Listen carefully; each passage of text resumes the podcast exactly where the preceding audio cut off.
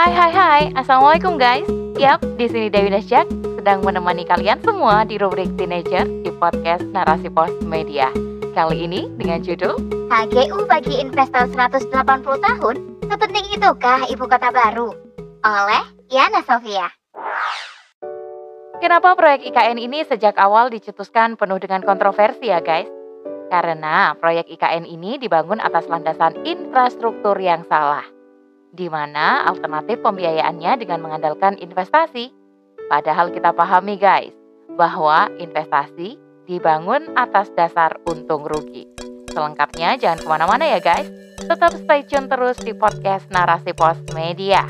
Narasi Pos, cerdas dalam literasi media, bijak menangkap peristiwa kunci. Guys, Kontroversi proyek IKN gak ada habis-habisnya ya. Baik karena berpotensi merusak lingkungan, menyerap APBN, penuh unsur klinik, proyek bagi-bagi kafling, dan yang terbaru masalah HGU dan HGB yang diubah masing-masing menjadi 180 dan 160 tahun.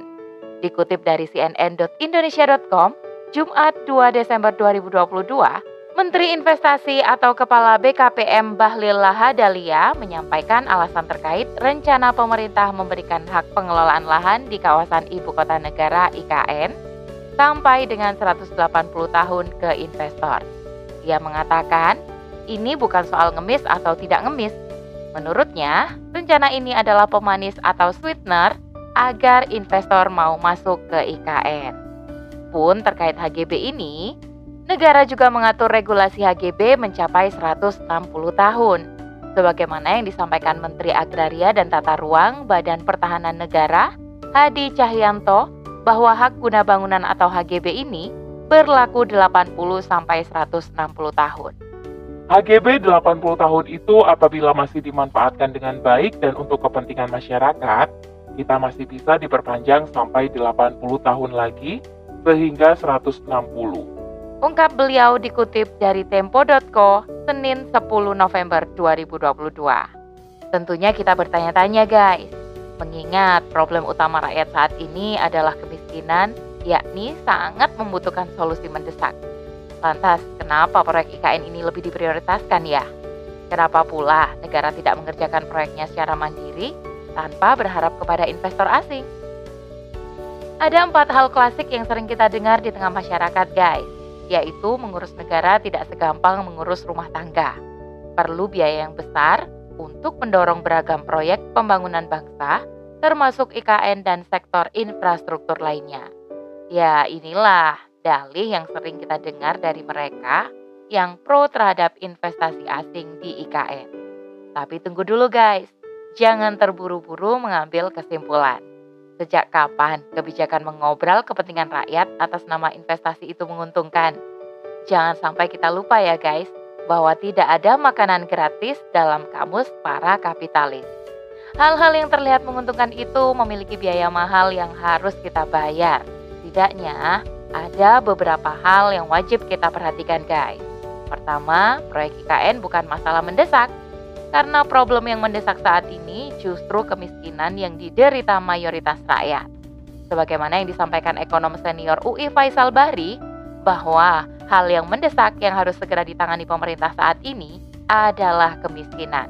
Beliau berkata, di tahun 2022 ini ada 52% penduduk Indonesia rentan miskin, nyaris miskin, dan miskin ekstrim.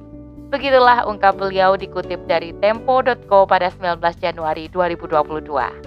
Nah, kedua guys, bekerja samanya pemerintah dengan pihak swasta dalam proyek IKN menunjukkan ketidakmampuan negara dan ketergantungan terhadap asing. Tentu dong, ini akan mengancam kedaulatan bangsa. Wacana pemberian HGU dan HGB masing-masing 180 dan 160 tahun itu bertentangan dengan Undang-Undang Nomor 5 tahun 1960 tentang peraturan dasar pokok-pokok agraria, yakni pemberian HGB hanya selama 30 tahun dan dapat diperpanjang 20 tahun. Jika undang-undang saja dilanggar, bagaimana ke depannya guys? Ya kan? Tidak menutup kemungkinan hal ini menjadi wasilah menguatnya cengkeraman asing yang mengancam kedaulatan bangsa. Ketiga, proyek IKN terbarukan ini menunjukkan kepada kita bahwa negara tidak serius melayani kepentingan rakyat. Di tengah beban ekonomi yang makin berat, membengkaknya utang negara, dan kemiskinan yang masih menjadi problem krusial bangsa kita, negara kita justru terlalu ambisius jika memprioritaskan proyek IKN ketimbang menyelesaikan problem utama bangsa. Keempat guys, karena IKN bukan hal yang mendesak untuk rakyat, maka bisa dipastikan pihak yang diuntungkan adalah pelaku proyek, mayoritas adalah pemilik modal. Sebagaimana yang disampaikan oleh Sekretaris Jenderal Konsorsium Pembaruan Agraria atau KPA, Dewi Kartika. Menurut Dewi, pemerintah seperti sedang menjadi perpanjangan tangan dan bekerja untuk kepentingan investor.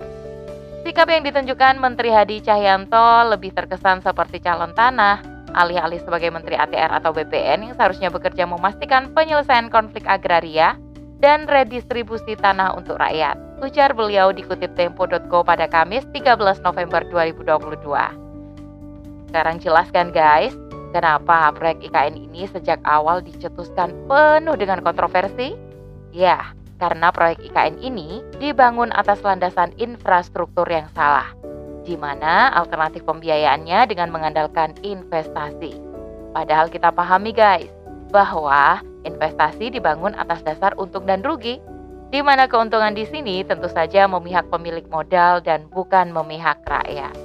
Nah guys, hal ini tentu saja berbeda loh dengan pembangunan infrastruktur dalam negara khilafah yang menerapkan Islam secara kafah.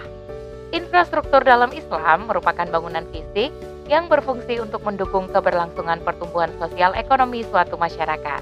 Dalam hal ini, Islam membagi dua jenis infrastruktur menurut jangka waktu pembangunannya, yakni infrastruktur yang mendesak dan infrastruktur yang boleh ditunda pembangunannya. Infrastruktur yang mendesak ini meliputi fasilitas umum yang sangat penting untuk menunjang keberlangsungan hidup masyarakat. Misalnya, pembangunan rumah sakit, sekolah, jalan, saluran air minum, dan lain sebagainya yang berhubungan dengan kemaslahatan umat. Maka, khilafah wajib menyegerakan membangun infrastruktur ini. Lalu yang kedua, infrastruktur yang boleh ditunda pembangunannya seperti pembangunan taman, masjid, pelebaran trotoar, membangun lapangan olahraga, dan lain-lain. Semua ini adalah infrastruktur yang boleh ditunda pembangunannya jika Baitul Mal kekurangan budget. Nah, dua infrastruktur di atas tadi wajib dibiayai oleh negara dengan memanfaatkan kas dari Baitul Mal yang bersumber dari pos penerimaan negara, di mana sumbernya berasal dari anfal, gonimah, fai, khorot, jizyah, pemasukan dari harta kepemilikan umum, harta milik negara, dan zakat. Dengan sistem keuangan yang mandiri inilah, negara Islam akan menjamin pembangunan segala infrastruktur negara berjalan tanpa harus bergantung pada asing dan tentunya tanpa membahayakan kedaulatan bangsa. Jadi guys, karena sistem pembangunan infrastruktur dalam Islam hanya berfungsi untuk keberlangsungan pertumbuhan sosial, maka akan disesuaikan dengan keperluan masyarakatnya saja. Jika ternyata hal itu bukanlah perkara mendesak, maka negara akan menunda atau bahkan menghentikannya. Lalu dana tadi dialihkan untuk keperluan yang lebih penting, seperti membangun jalan, membangun rumah, sekolah, atau digunakan untuk program pemberantasan kemiskinan yang kita derita hari ini. Semoga ya guys, khilafah Islam segera tegak kembali untuk menyolusi berbagai problem hidup yang kita alami. Sebab ide kapitalisme liberal ini telah menyisakan berbagai masalah yang tak ada putus-putusnya bagi bangsa kita. Dia adalah penyumbang berbagai masalah sosial dan kemiskinan bahkan menzalimi kita dengan berbagai propaganda di balik janji manis investasi. Wallahu a'lam bisawab.